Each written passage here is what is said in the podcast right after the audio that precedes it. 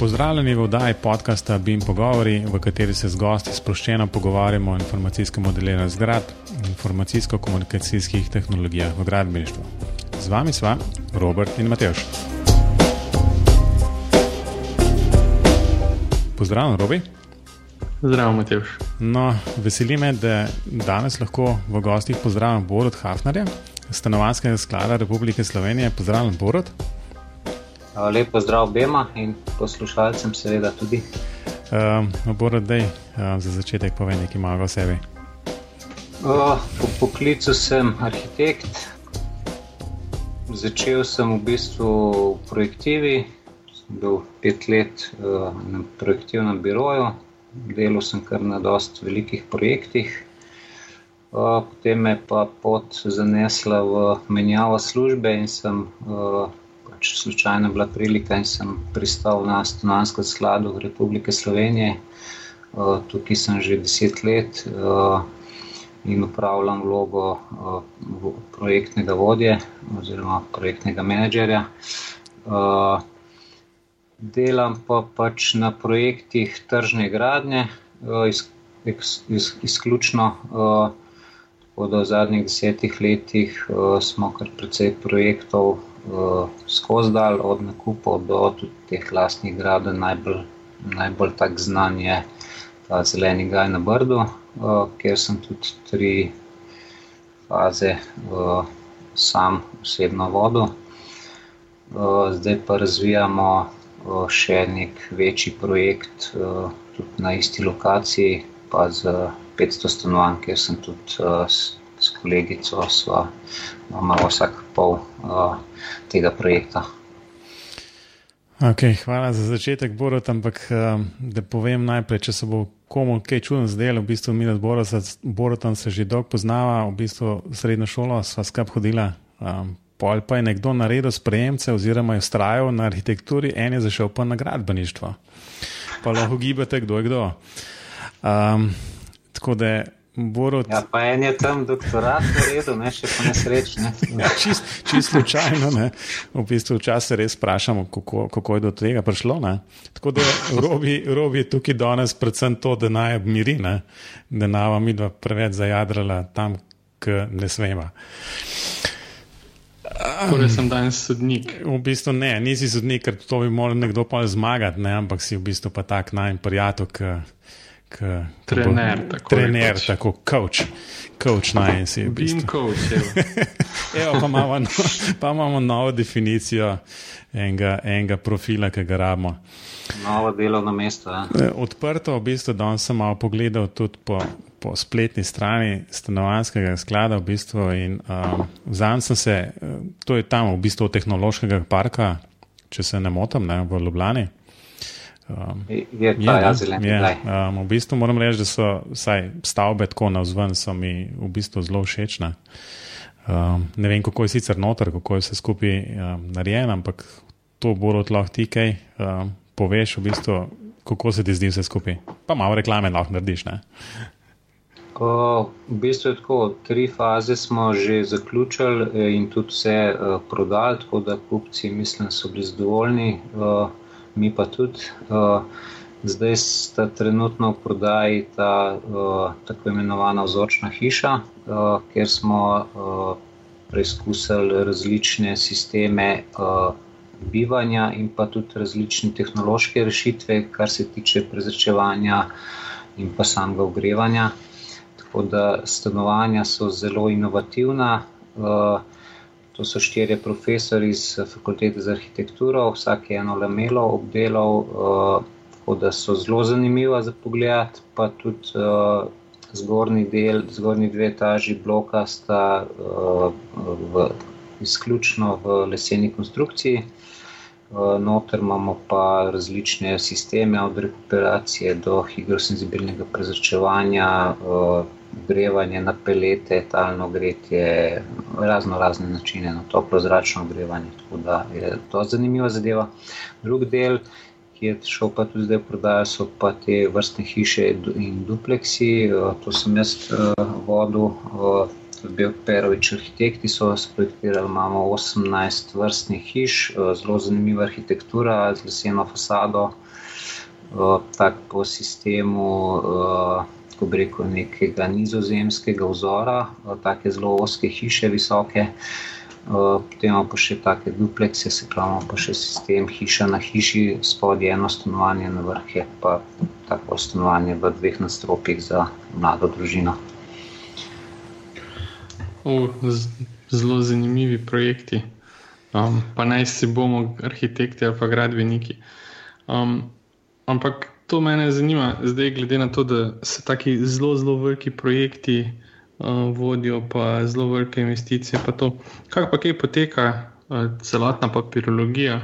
A to si že kaj se razmišlja v smeri, da bi šli korak s časom, ali mogoče še kar na star način, kako to kaj poteka pri vas? Ja, v bistvu, ko smo začeli. Uh razvija ta nov projekt s 500 stanovanji. Trenutno je v fazi, da uh, smo jih uh, dobili od projektantov uh, idejni projekt, uh, pa uh, sporedno tudi peljemo uh, ta, uh, ta OPPN, ne, se pravi prostorski načrt, uh, ki upamo, da bo sprejet tam nekje konc leta. Uh, In smo v zadnjem hipu, smo, ko smo pripravljali na tečaj za ta projekt, smo tudi umestili v, v projektantom tudi ta BIM noter. Takrat nismo niti točno vedeli, kaj ne bi to bilo. Pač, umestili smo ga šele v fazi PZI-ja. Tako so nam tudi takrat uh, svetovali, zdaj morda bi zdaj v tem, uh, ko smo malo več zvedeli o BIM-u že v prejšnjih fazah to začel, ker si pravi, da je smiselno že v idejni fazi začeti z BIM-om. No, se bomo pa pač eh, malo kasneje naučili, kaj je to BIM, pa kako se to. Ja, ampak um, povej, kako so za začetek te projektanti sprejeli to veselo novico, da, da je s tem dal dodatno delo? Ja, se niti ne vem, koliko se zaveda, kaj to sploh pomeni, ne bi jim. Uh, uh, tako da bomo to skupaj odkrivali v nastalni fazi. Ja, saj, saj to mislim, saj pozitivno, saj, oziroma leševalno okolišče, predvsem skupaj je, da so to visoko gradne. Tle, tle jaz mislim, da je vsa stvar, se mi zdi, kar, kar dobro pokrita, pa najbrž večjih težav ni za pričakovati, ne, razen pač tega, da se treba kaj novega naučiti. Ne. Ampak, uh, no, super, lej, sam nekje dejansko treba štartati. Zdaj, umenil si tudi za začetek, da, da imate v bistvu tele projekte. Skratka, meni men osebno, okolj, skratka, se nisem prav zelo podrobno ukvarjal s tem, kaj stanovanski sklad sploh je. Um, lahko, recimo, tako za, za poslušalce v pari stavkih poveš, v bistvu, kakšna je dejansko vaša vloga, pa morda kakšna je vloga ta trenutek, pa morda kje, kje se vidite kot v neki, neki bližnji prihodnosti. Ja, za začetek bi povedal, da smo lansko leto jeseni praznovali 25-letnico sklada. Ustanovljen je bil leta 1991 eh, s, s tem stanovanskim zakonom. Uh, leta 2001 je bil potem preoblikovan v nepremičninski finančni sklad. Uh, sprva se je uh, sklad uh, predvsem so se ukvarjali bolj s finančnimi zadevami. Eh, potem so pa nekje začeli se štartati tudi s temi nepremičninskimi projekti, najprej s samimi nakupi stanovanj. Deset let nazaj, ko sem jaz prišel, se je tudi ekipa predvsej uh, ojačala v tem uh, gradbenem oziroma zdaj ponovnem investicijskem sektorju. In smo tudi uh, zagnali kar nekaj projektov, tudi ta uh, ta eh, zeleni gaj na Brdu. Smo, uh, se takrat je bilo v fazi projektiranja, ki sem jaz, žal, smo imeli uh, verjetno vse, kar je se možno zgoditi na projektu, se je nam zgodil. Ne? Tako da imeli smo praktično tri stečaje velikih uh, podjetij. Ki so nam gradili, tako da se zadeve so se precej zavlekle. Po drugi strani bo pa tudi precej teh faz, tako da smo pač gradili zaporedno, se pravi, ko je bila neka faza končana, tako da se je projekt praktično vlekel 12 let. Zdaj, če še kaj od, od sklada povem, v bistvu v našem investicijskem času je bil predvsem sprav, finančni dejali so tudi eh, kredite, eh, se dejali predvsej, pa uh, bilo je tudi s tem jazvinškim zakonom povezan, spravo teh stanovanj, odkupa in teh zadev. Drugač uh, smo pa v našem uh, v investicijskem sektorju imamo tri vrste projektov in sicer uh, tržne, uh, te imamo neprofitno uh, gradno, ki je bolj, uh, ko bi rekel, uh, nekje eh, bolj kot sofinanciranje, sicer mi tudi spremljamo gradno, pa potem imamo še eh, sprav, pri investicijah, imamo pa lastne investicije, pa nakupe, ne, se pravi, ali smo mi, mi kot vlogi investitorja ali pa kot vlogi eh, kupca. Zdaj, kakšna je strategija sklada, mogoče samo še na kratko po tej novi resoluciji o nacionalnem stanovanjskem programu, ki je bilo uh, sprejeta uh, od 2015 do 2025, naj bi uh, sklad tudi postal ponudnik javnih najemnih stanovanj, predvsem to, da nekje naj stanovanj ne bi več prodajali, ampak bi jih uh, gradili in pa uh, vzpostavili ta uh, javni najemni trg, ki ga praktično ni, razno pač posamezniki, ki oddajajo stanovanja, drugače pa še večjih eh, podjetij, ki bi se ukvarjala s tem, ni. Tako da potrebe po najemnih stanovanjih so velike, ker si marsikdo ali zaradi fleksibilnosti ali pa že zaradi samih financ si ne more prevoščiti stanovanja ali pa niti ne želi kupiti, eh, ker si noče, eh, pač si noče zakreditirati za 30 let. Ne. Tako da uh, do leta 2020 naj bi nekje zagotovil 500 novih najemnih stanovanj. Trenutno ima sklad blizu 3000 neprofitnih stanovanj uh, in pa uh, pet, okrog 500 tržnih stanovanj, tako da skupno imamo 3500 stanovanj. Uh, zdaj s tem novim obdobjem, ko bomo pa začeli graditi uh, pač ta najemna stanovanja, uh, smo pa tudi uh, ravno zaradi tega, ker bomo mi ostali lastniki do konca. Uh, Tudi začeli razmišljati o tem uh, facility managementu, tako imenovanem, se pravi v, v samo obdobje uporabe objektov, in tle smo pa tudi videli neko priložnost s tem BIM-om, uh, zaradi lažjega vzdrževanja in vseh teh zadev, ki sledijo potem v dobi uporabe. Um, no, jaz bom pa spet nekaj v BIM-u, ampak najprej ne rečem eno na, na stanovanjski sklad. Jaz sem se edinkrat srečal s stanovanjskim skladom takrat ko sem skozi čakal, da bom lahko upravičen do tiste subvencije za mlade družine, in pa ko bi lahko bil upravičen, jih pa ukinili. Um, tako da to je moj, to je moj edini, edini kontakt s stanovanjskim skladom, pa vem, da ni pa po vaši krivdi. Um, drugače pa ja, tole mi je zelo zanimivo, glede na to, da imate že zdaj uh, en zelo velik fond stanovanj. Uh, in zdaj, če bo pač to novo vlogo se ta fond še precej povečal in dejansko, če te skrbi za en tako res veliko število stanovanj v celotni dobi, um, življenjski dobi, pa se mi zdi, da tukaj so pa potencijali bimo kar hudi. Um, mogoče, mogoče je zato že treba res zdaj razmišljati, da, da se bo dejansko uvajal. Ta pristop, pa da bo na koncu vsaj nek model ostal po, po vsaki investiciji, da boste lahko pa kaj iz njega dobili.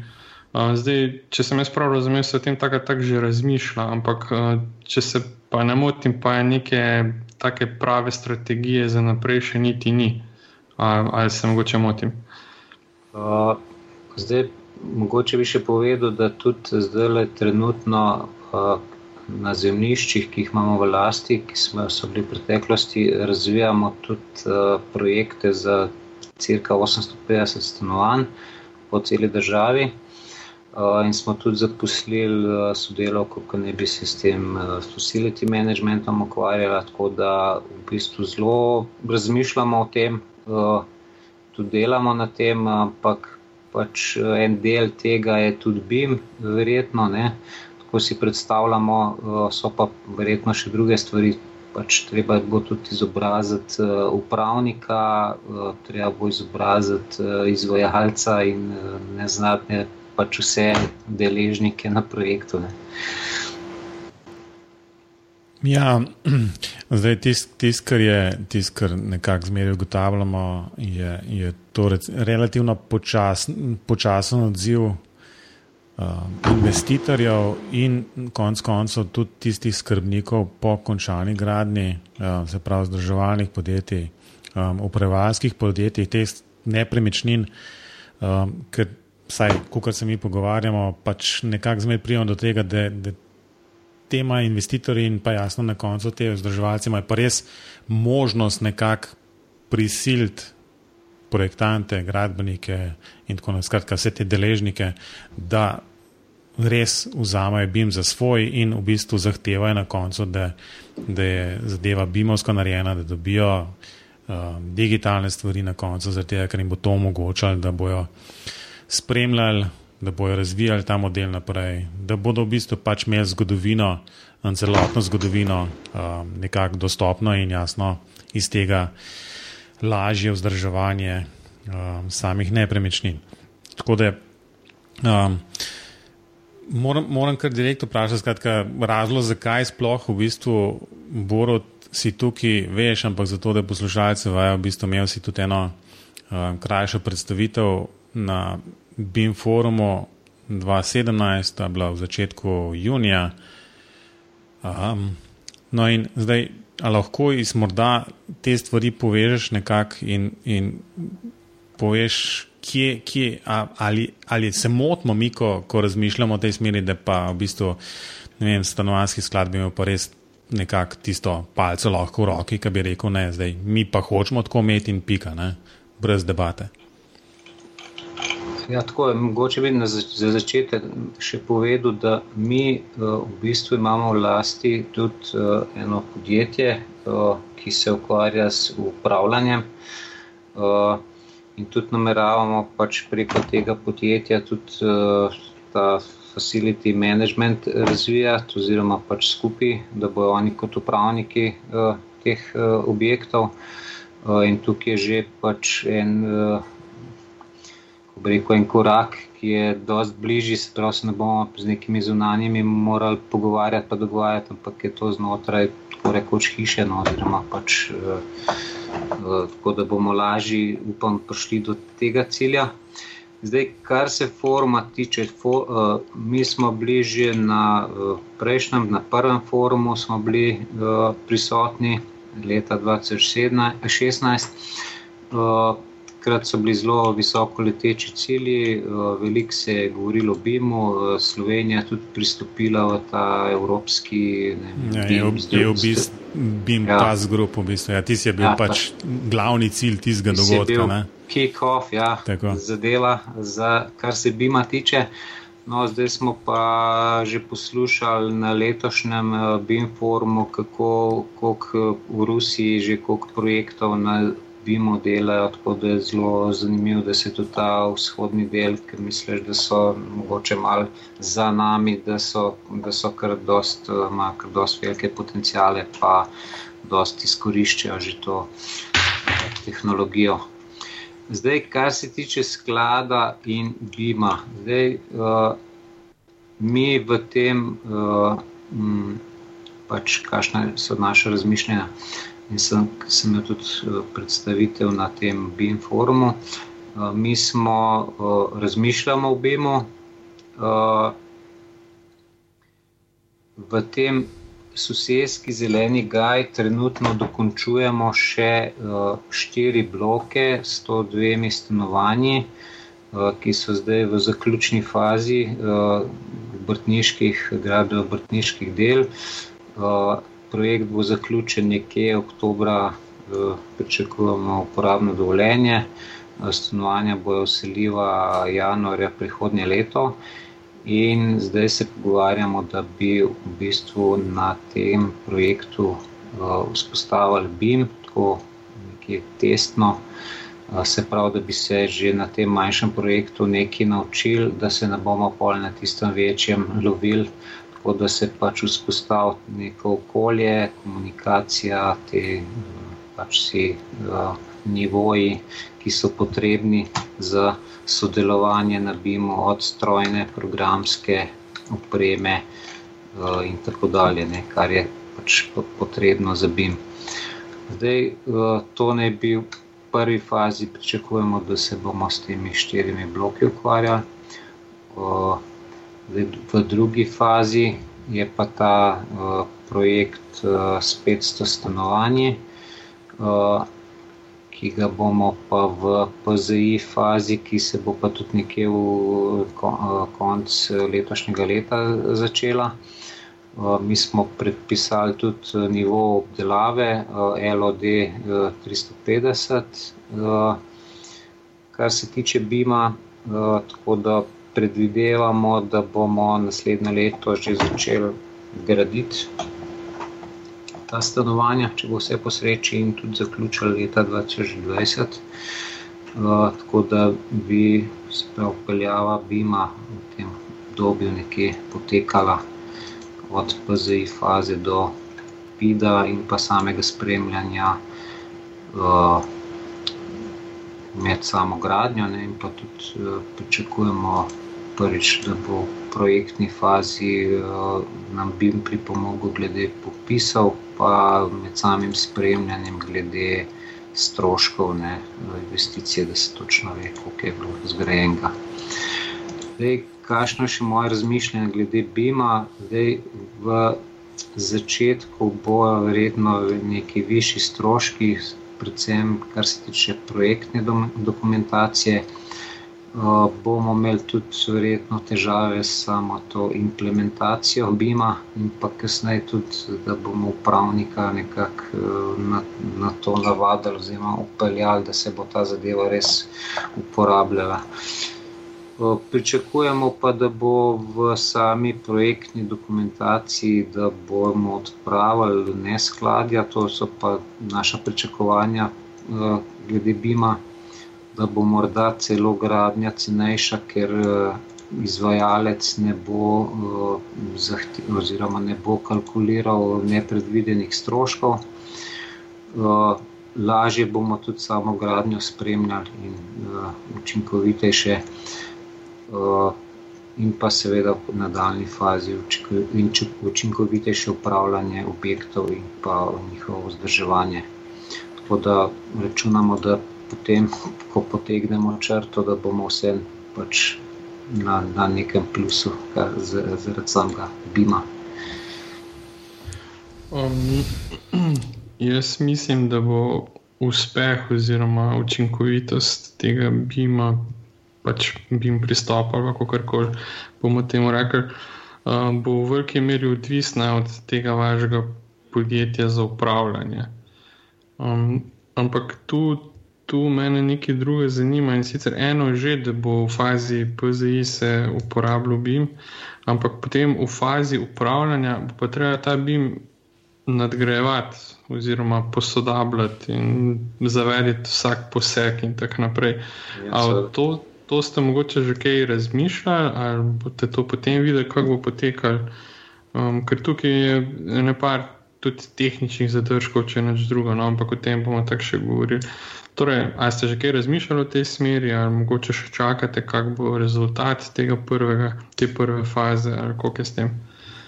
Smo razmišljali o tej fazi, uh, je pa tudi tako, da uh, recimo stanovanjski objekti so uh, relativno nezahtevni, kar se tega tiče, se pravi, same, same opreme je relativno malo, ne, pravi, imamo neko kotlovnico, pa nekaj črpalk, tako da smislim, da je fajn sprobati na, na takih uh, projektih imamo sicer potem še razne elemente, kot so okna in take zadeve, ker bo verjetno v zadju vsi ta dokumentacija, pa kakšno bo vzdrževanje.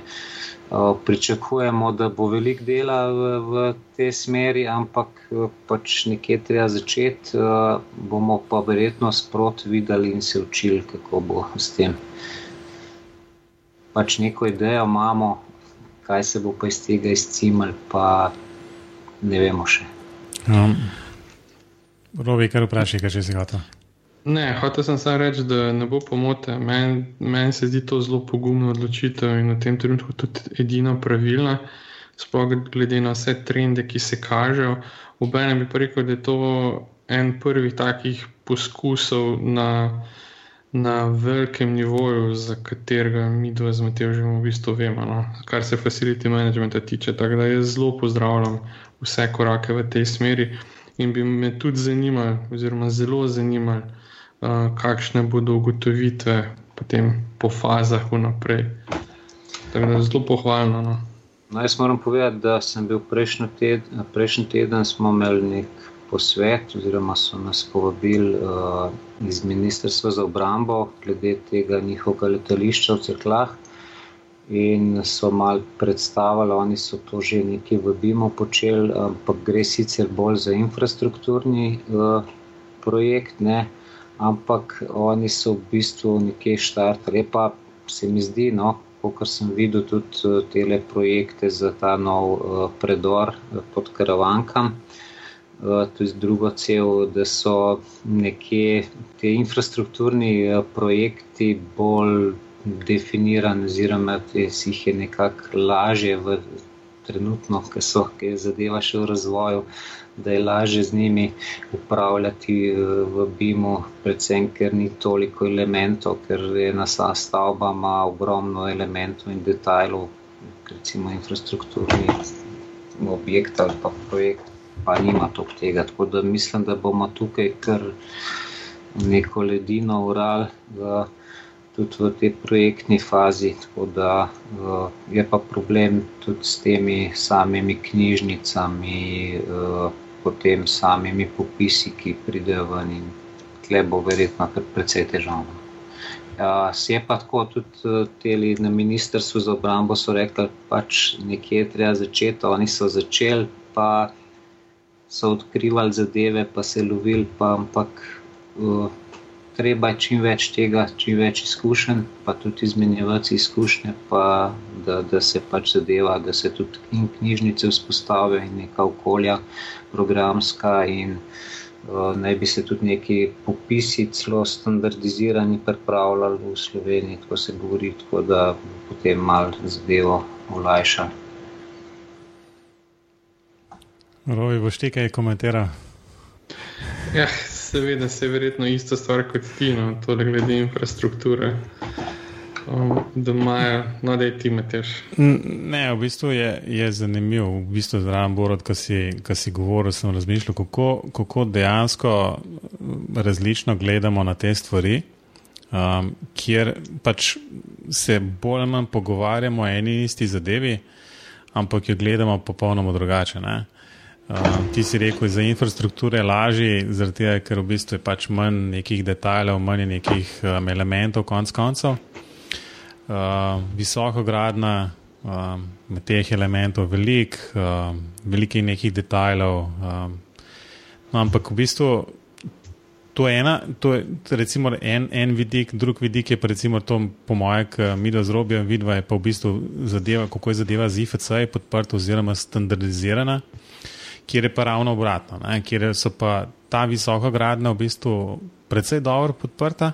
Ja, res je, da, da je veliko elementov, ampak ti elementi so definirani, modelirniki. Ja, modelirniki zadevo podpirajo precej dobro, ne najbrž 100%, ampak mnogo, mnogo bolje kot pa v bistvu recimo stvari, ki se tiče infrastrukture, vem, ceste, predori, železnice in tako naprej. Tako da tam je drugačen, ne, drugačen najbrž pristop tudi zaradi tega, ker Je pa res treba tako unikatno zadevi pristopiti in se vnaprej dogovoriti, kako se bojo zadeve izmenjevale, tudi stvari, ki so nestandardne, kako se bodo podpirale, kako bo to nek softver nadgrajen ali kaj podobnega. Ne? Tako da to, to bi bil en tak um, splošen komentar. Po drugi strani se mi pa odpira eno vprašanje, um, kako vidiš v bistvu recimo, to neko, neko praznino v neki um, slovenski, v bistvu kot državni inicijativi za um, BIM inicijativi, recimo temu, ne, um, kjer bi na nivoju države, zakonodaje, predpisov in tako naprej bila zadeva nekako toliko daleč podprta, da je bilo te stvari v bistvu jasne, definirane. Ne tako kot zdaj, kjer v bistvu pač imamo take svetle izjeme, kot ste, kot ste tudi vi, pa še, še kdo drug, ne? kjer bolj manj na, na sam pri sebi prepoznal neko potrebo po drugačnem delu, po drugačnem načinu, pa se tega lotil nekako, ne? kjer, kjer v bistvu na koncu koncev gradbeno dovoljenje boš dobil še zmerno način, kot si ga dobil pred 20 leti. Ne? No, se neč drugače spremenili, tudi če imaš ti imel BIM model. Ne? ta moment. Ja, kako, kako zdaj v bistvu lahko nekako pokomentiraš to zadevo? Ali ne bi bilo najbrž lažje, ne, če bi bilo to nekako v nekih predpisih? Ne? Ja, tako, če bi bile zdaj zadeve definirane, bi pač jaz sem. No, ravno mogoče na tem projektu ne, eh, letališča, crkle, oni, ta gospod iz ministrstva, zdaj se ne spomnim, kako se piše, pač taki projekt vodil, on je rekel, da so v bistvu ti letalski standardi in tam je še NATO zraven, so tam je blazno vse, v bistvu vse definirano. In oni so v bistvu samo te standarde, ki so že zelo natančni, samo nekaj implementirali skozi BIM v te svoje projekte. Ne? Oni so imeli že vse definirano. Recimo v visoki gradni pri nas je pa ni nič definiranega, ne? v bistvu ni standardno, ne? ni standardnih popisov, ni standardnih elementov, pač vsak po svoje nekaj dela in pač situacija je taka, kakršna je. Ne? Recimo v Avstriji so to že pred leti vzpostavili standardizirane popise, vsak ve, kaj bo dobil, vsak ve, koliko kaj stane in sploh ni nobenih težav. So, cene so, ne vem, 5% gor ali pa dol, vsi vejo točno, koliko je stvar stane, koliko en blok stane. Pri nas pa potem, ko narediš javni razpis, pa čakaš, koliko bo cena. Ne? Potem pa en gradbinc z neko dumping ceno, pa spustiti 30% da popusta, kar veš, da ja, ne bo šlo skozi. Ne zdrži, da ja. zadeva ne zdrži ne, in da boš imel potem težave na projektu in vedno jih imamo, ne seveda. No, to, to... Ja, to, je, to, je tis, to je težava s temi nestandardiziranimi popisi. Ne. Ampak, če gremo, če to nazaj na BIM prevedemo, to ni, ni direktno, mislim ni direktne korelacije med temi zadevami. No.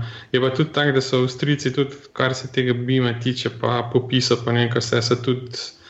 Jaz sem tudi bil pod vtisom, da je to pri njih zelo, zelo urejeno, pa da to poteka drugače kot pri nas. Ampak, vsaj kar se bima tiče, so z Matežem slišali, da imajo zelo velike probleme. No. Um, tako da ne vem, jaz ne vem, mislim. Res je, da vsi izpostavljajo ta problem z nestandardiziranimi popisi, to, ampak ne vem, če se to direktno lahko prevede na BIM. Ne vem, Mateo, še imaš ti kaj za jaz, jaz, to, jaz čutim v bistvu na vsak način, lahko, če, veš, tako, če, če si naslikaš okolje rožnato v bistvu in rečeš, ok, imam BIM model in zdaj bo tam v, v nekem programu modelirniku gumb, ki bo pisal gor, zgeneriraj popis ne, ali pa ne vem. In um, to je bilo fenomenalno. Ne?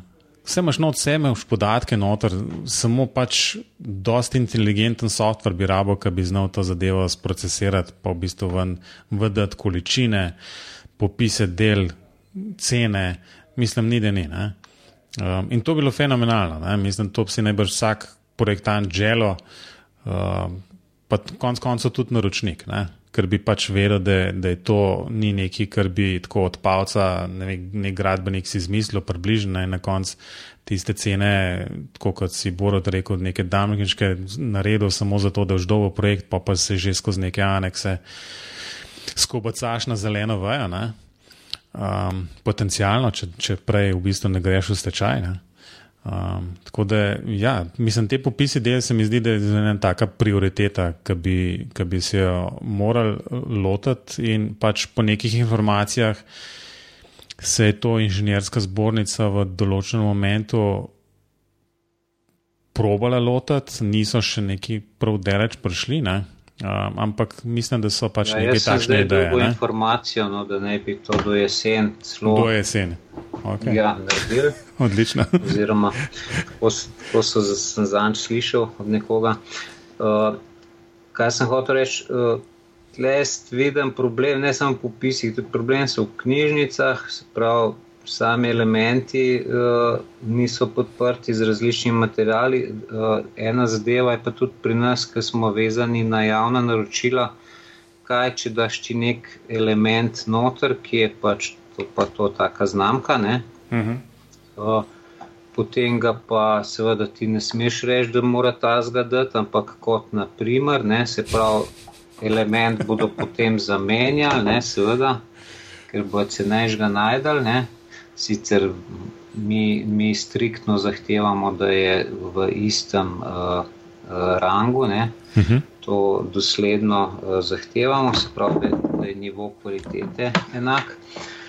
Sam je pa vse, kar se tiče, se pravi, bomo mi bomo sprot med gradnjo v bistvu vse elemente praktično zamenjali, tako da bomo imeli pit popolnoma drugačen, s popolnoma drugačnimi elementi, verjetno, ko si jaz predstavljam. No zdaj, samo gradnjo in vse, ker pač mi smo zavezani javnim naročilom in drugače se v tem trenutku ne da ne delati. No, to, to definitivno je težava. No. Um, da bi vsi elementi zamenjani, to, to bi skoraj šel ustaviti tudi na moje izkušnje iz prakse. Ker če je neki 3 cente ceneje, se pač ne bomo, ne, ne bomo niti komentirali. Um, ampak po drugi strani pa tudi odgovornost tistega, ki, ki pač ugrajuje, ne, da bo skrbel za svoj del tega modela. Da... Ja, se to mislimo mi, izvajalca, tudi zavezati k temu, da bo pač on tudi ta BIM uh, med samo gradnjo. Uh, naj bi spremljal in pa tudi te elemente, pol not pravilne dajo z vsemi podatki. Da, pač tak je namen naš. Uh, v, v, v tej fazi gradnje. Ne. Um, v redu. Tukaj imamo predviden še v bistvu, um, zdaj bolj ali manj smo se orientirali na, na BIM in prihodnost. Um, tako da mogoče borod za, za konc tega, recimo tega glavnega dela. Ali lahko rečemo, tako, kje, če malo mal zamežimo in rečemo, kdaj, kdaj bo ta BIM tako. Um, v praksi, recimo, ne vem, štartov si gor, v bistvu, kdaj, kdaj si začel. Čak, nagradi so v projektivnem biroju, so delali kako? Začetka. Um, kako takrat v bistvu, a, so bila kat urodja že znana, ali ja, si še na, ja. urot, z rotringi narisal? Ne, takrat smo že z računalniki delali. Uh, v biroju je pa tako, da te starejši so mi pravili, da včasih je bilo tako, ker so pač en možakar, ki je bil tudi arhitekt, je dal pobudo, da bi se računalnik kupil, ampak to ni bilo dosti pred tem, ker sem jaz prišel. Takrat je bil tisti AutoCAD 2000, ne 2, kaj je že bil, no, 14. Uh -huh ali dva, ne 12, oh. avto je 12. Uh, in je potem so nek računalnik nabavili, in pa je on nekaj, z, nekaj zrisal, potem je dal pa v petek popoldan render, pa je šel domov, ne, pa je prišel ponedeljek zjutraj, pa še ni bilo narejeno. Uh, tako da pač. Yeah. To je ja. pod, je, mislim, da je ta BIM da je tako podoben prehod, kot smo prej iz, iz ročnega risanja na, na, na eh, računalniško risanje. Je, na začetku bilo, smo zelo veliko časa porabili, pa neučinkovito je bilo, pa lovili smo se, pa napake so bile, sam s časom se je pa zadeva tako razvila, da je pa bistveno pohitrila vse procese in bistveno bolj uporabna ratala in vse. Tako da tudi eh, pri BIM-u, sicer zadnjič smo sem na teli, uh, na Ministrstvu za obrambo je en, uh, ki je bil gost tudi uh, iz enega projektivnega biroja, ki se tudi veliko z BIM-om ukvarja, je, se sem se jaz malo zgrozil, ampak je rekel, ja, vse to se bojo mogle cele generacije zamenjati, da se bo ta BIM tam čez 80 let bo pa že BIM uh, tako standard, ne, se vrsim, mislil, jaz, mogoče bi bilo pa fajn, če bi mal prej. No, se to, ta, ta številka me je zanimala, zdaj mislim, res 80 let bi bila malo huda, ne.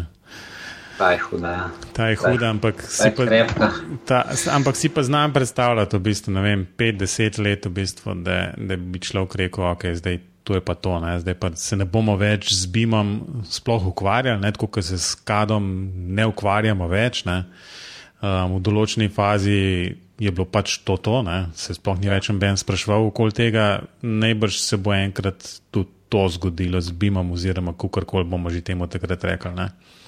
Ja, tako jaz mislim, če bo, če bo država temu naklonjena in če bo tudi uh, tudi če bo razpisi taki, zdaj bo, če bo vedno več razpisov v BIM-u, se bo mogli tudi vsi biroji in vsi prilagoditi na ta BIM. In več, ko bo tega, več jih bo prilagodil, hitrejši bo ta. Uh, se pa sigurno strinjam, da tam pet let je neko tako prihodno obdobje, uh, da po desetih letih bo pa to sploh ne bo vprašanje, mislim. Uh, a, bi v BIM-u ali ne bi, da se sploh ne bo več nihče spraševal. No, jaz bi tukaj dodal nekaj, no, da, da uspeh BIM-a se ne bo pokazal samo v fazi projektiranja, pa pač gradnje nekega projekta, ampak pa kasneje. No. In tu ste vi v eni edinstveni vlogi, ker boste lahko ta potencial BIM-a dejansko preizkušali tudi potem kasneje ko večina ne bo več nič delala s tem BIM modelom. Ja. Um, in jaz osebno mislim, da, da tu se bo sta vodila pač dva paralelna svetova. Mi zdaj sicer smo malo menjali ketne. Jaz bom rekel tako, da smo z ženo hišo gradili 2011-2012, ampak jaz sem dobil načrt arhitekture narisan na roke. Um, Zdaj, zakaj to smo že imeli debato o Kovačevi, Kobili in tako naprej, ampak dejansko meni je bilo bolj pomembno to, kar mi je ta arhitekt lahko, lahko ponudil, kot to, da bi od njega zahteval, da mi ne pač dostavi elektronske kopije. In tudi bi, vi ste v eni drugačni situaciji kot nekdo, ki dela manjše projekte, mogoče kako eno družinsko hišo ali pa mogoče kaj malce večjega.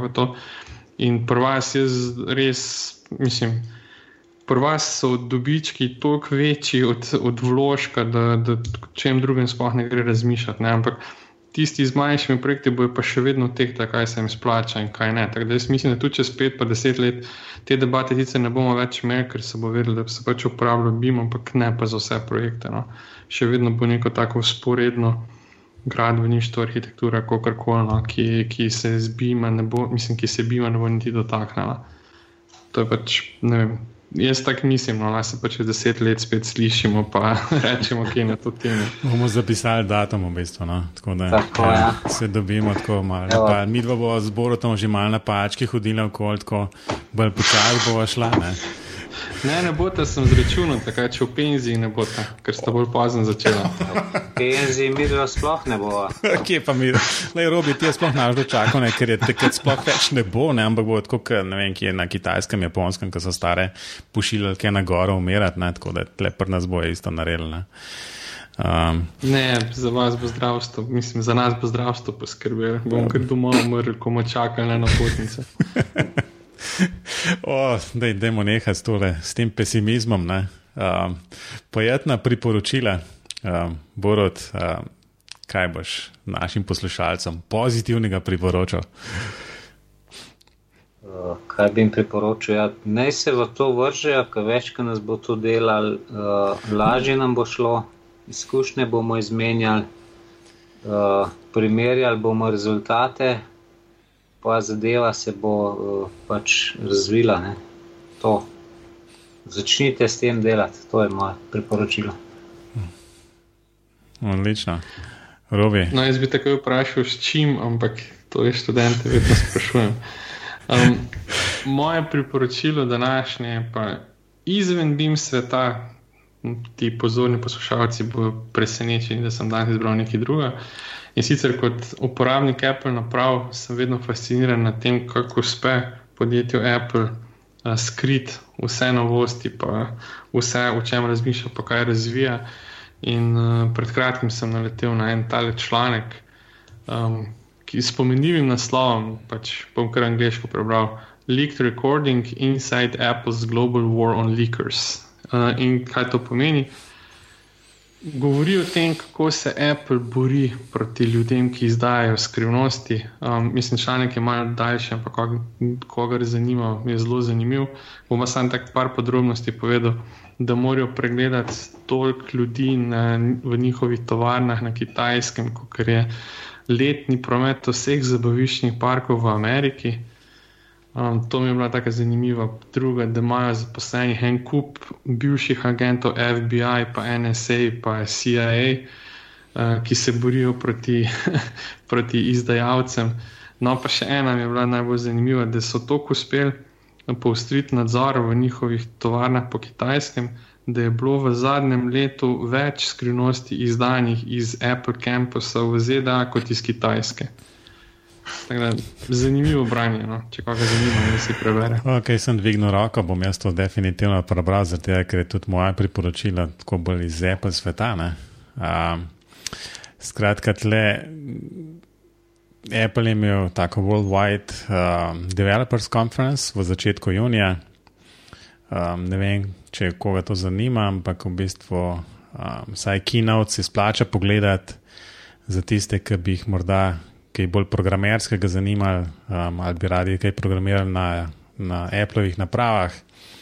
Se splača tudi za ostale sešne pogledati in tle v priporočilih je en, en link s skripto za uh, kako pretočiti te, te uh, video posnetke um, predavanj. Tako, zelo, preprosto. Uh, to, kar se mi zdi še posebej zanimivo, ne, je pa, da je ta skripta dejansko napisana v tem relativno novem programskem jeziku Swift, ki se dejansko interpretira. Um, tako da je zelo zanimiv, če ne drugega, kako, kako to narediti, ker Swift kot tak v bistvu ni glih. Um, ni ravno nek um, skriptni jezik tipa PHP, Ruby, Python ali kaj podobnega, ampak vseeno se ta izvaja. Um, skratka, se ne prevede in potem ne izvaja ta program, ampak v bistvu se direktno izvaja. Tako da je pač meni bilo zanimivo, zdaj če še komu um, še toliko boljš. Sem ravno hotel komentirati, da je verjetno te pa še tremo stvari. ja, to so. Ej, tiste tri pelem na kavo, v bistvu sam roke treba dvigati. Oziroma. Le, meni sem jaz ne pijem kave. No, pa, pa dobiš sok. Um, evo, smo pa še pri hitrih vprašanjih. Um, Borod ve, zakaj gre. In prvo vprašanje je, bim programska oprema oziroma program, ki ga uporabljaš uporabljam Autodesk, trenutno uh, Project in ostale zadeve. Uh, Kakšne BIM platforme še nimamo, oziroma izmenjave, tako da pričakujem po prihodnosti, da bo tudi kaj takega zanimivega. No, no, no, se je ta tale AutoCAD, ki ga najbrž obvladaš v nulo. Um, Kar... Zmer manj, žalost, ne žalost. ne, zdaj, zdaj to moš reči, veš, k sreči, k sreči vedno manj grabim, zdaj bom prišel nazaj na Excel. tako kot smo se že prej hecali, tako da je ja, ali definitivno. Ja. V bistvu, um, jaz sem zmer, mene zmer strah rata, ko, ko kakšen tak program uprem, ker pač ga ne uporabljam dnevno ali pa v bistvu niti mesečno ne. Ampak, ko ga enkrat odprem, pa sem čist kar zgrožen nad vsemi tistimi ikoncami, ki mi hočejo pomagati in v bistvu jaz bi, jaz bi tle samo eno steno rad narisal. Um, ja, tako da poznam občutek, no, ampak sigurno, sigurno to vladaš, oziroma imamo zalogo tok in tok let uporabe tega. Ne? Ja, to pa. No, drugo vprašanje je v bistvu najpomembnejše vprašanje na tem podkastu. Um, kaj je ta BIM? Z materialom se pogovarjamo z gosti, kaj razumejo BIM. Najprej smo sprašvali, kaj ta M pomeni, to model ali proces posel, zdaj da delajo tudi management, pa kaj je prepričanje, pa vera, pa ne vem kaj vse. Tako da me zanima, kaj razumeš, BIM, kaj je za ti BIM. Zdaj, če bi lahko tretji odgovor dal. Kjer koli, lahko tudi šestega, ja. v bistvu, kar češ. Uh, zadnjič, no, ravno ko smo bili na ministrstvu, je en zelo lepo povedal, en kolega pa je rekel: BIM je sodelovanje. In to mi je bilo zelo všeč, no, ker to je res, uh, v bistvu to je sodelovanje različnih uh, sodelavcev, različnih procesov, različnih modelov, različnih ne vem kaj programov. Uh, in to je res neko sodelovanje na enem projektu, in to je čist zanimivo. Super odgovor. Res je. No, in še v bistvu dejansko se pa na to sodelovanje nanaša tretje vprašanje, ki se pa tiče odprtega BIM-a, skratka, standardov v tem BIM okolju, oziroma za to sodelovanje. Um, pomembno, ne pomembno, nujno, obvezno, kaj od tega, um, kaj misliš o tem? Um, meni se zdi fajn, o, trenutno, da so vsi ti razni programi, da, so, da imajo tudi. Uh, to odprta kodni format, uh, tako da ni teh zaprtih, ali si na Autodesku, ali si na Archikedu, ali si na ne vem čem, ne, in potem se moš prilagajati, ampak da dejansko lahko vsi vse gleda. To, to mi je všeč in mislim, da bi lahko tudi v tej smeri uh, nadaljevati uh, v ta razvoj, se pravi, nek ta odprti sistem. Ne. Jaz mislim, da bo morala enkrat, um, konec koncev, država tle um, mejo potegniti in reči, um, da, je pa za, za vsaj ta um, pač javna naročila, ne? oziroma pač recimo to, kar vi delate, pa kar DRI dela in podobne stvari, da pač se zahteva, da je to pač Ja, to bomo v standardih in tako. To, to enostavno mora noter v zakonu nekje biti nekje eksplicitno napisano. Ne? Ja, se strinjam. Ok, lej, smo, smo na zaključku tega podcasta. Borod, uh, morda samo kje te lahko najdejo, kontaktirajo poslušalci. Kje me najdejo, ponovadi sem kje v Ljubljani, uh, če pa nisem, sem pa kje druge, drugače pa na če vtipkate moje ime, pa prijem, sem na LinkedIn-u, na tem poslovnem omrežju, tudi na Facebooku, ampak to sem bolj s prijatelji. Uh, tako da, ko moče me kontaktira prek LinkedIn-a, pa bom vedno odgovoril. Ja, super, ja, rovi. Ja, jaz sem danes bolj počitniško razpoložen, pa bom rekel, da me lahko najdejo na Googlu, če ti pravijo Robert Prince. to je neki.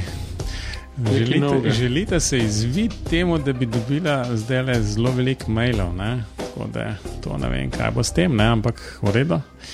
No, um, moj mail je robert.klinc.net.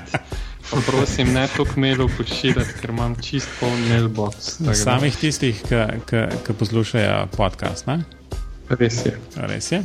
Pohvaljeni vsi, tako da meni lahko pa pošljete na, oziroma najdete kontakt na mateždolenc.com. Um, no, in pim pogovori so pa še vedno na, na spletu, Facebooku in Twitterju. Uh, vedno nekako obljubim, da bomo bolj vestno objavili, kaj pa ponovadi izmer čakamo na 14 dni, da, kakšne, da je nova oddaja objavljena, pa še takrat kaj povemo novega, tako da upam, da bomo, da bova z Robijem um, te stvari mal spremenila. No, kakorkoli že, um, jaz bi se ob koncu rad Borutu zahvalil. Borut, res hvala lepa, da si si vzel čas um, in nam predstavil dejansko stanovanski sklad in pa jasno uh, tvoje osebno in pa morda delno tudi videnje stanovanskega sklada glede Bima. Hvala za povabilo. Enač, um, Borod, robi, adijo. Ja, adijo.